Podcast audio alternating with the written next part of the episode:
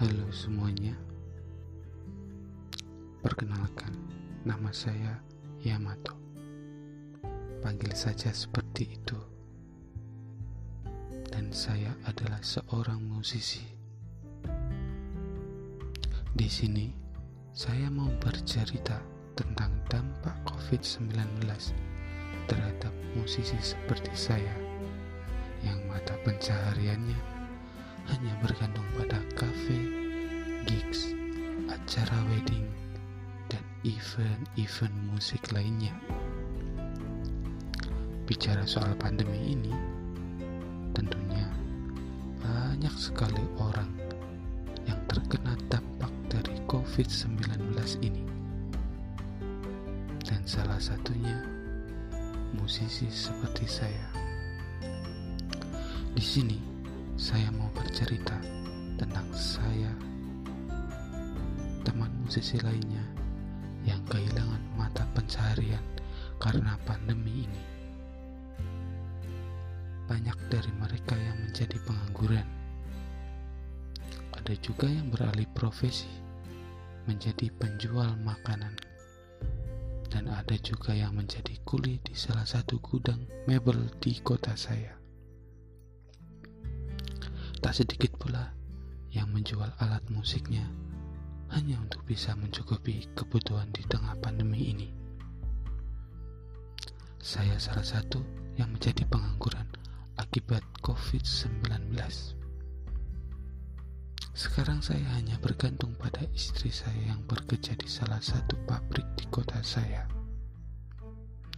Malu, tentu saja Pasti kalian berpikir, kenapa saya tak mencari pekerjaan lain?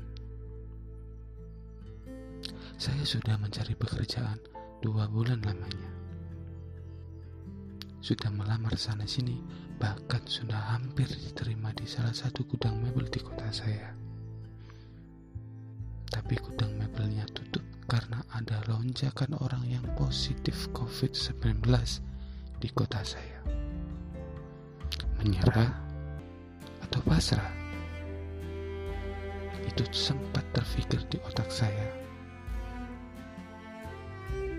Untungnya ada istri saya yang selalu mensupport saya untuk tidak menyerah dan tetap percaya bahwa ada jalan untuk menghadapi pandemi ini.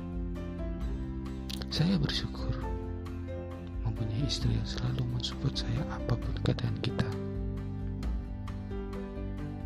Akhirnya saya mencoba berjualan online makanan ringan.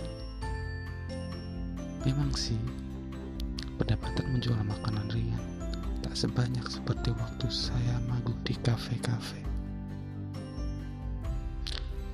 Ya, tapi setidaknya ada pemasukan untuk tambahan kebutuhan di tengah pandemi ini. Dan sampai suatu saat saya melihat berita bahwa akan ada berlakunya new normal dan aktivitas akan kembali lagi. Saya sempat merasa senang karena aktivitas hiburan akan dibuka kembali. Tapi itu membutuhkan waktu yang lama dan tak tahu dan tak tahu sampai kapan. Misal pun aktivitas sudah dibuka normal, pasti yang pertama ialah sekolah, perusahaan, mall, tempat wisata, dan yang terakhir hiburan. Tentu, musisi seperti saya masih harus menunggu untuk bisa kembali beraktivitas normal dan bekerja kembali. Tapi tak apalah, itu sudah menjadi resiko pekerjaan saya sebagai seorang musisi.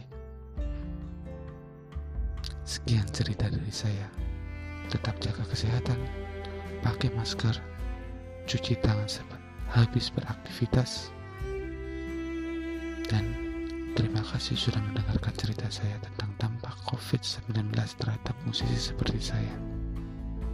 Mohon maaf kalau ada kata saya yang salah atau tidak berkenan di hati kalian. Salam saya, Yamato.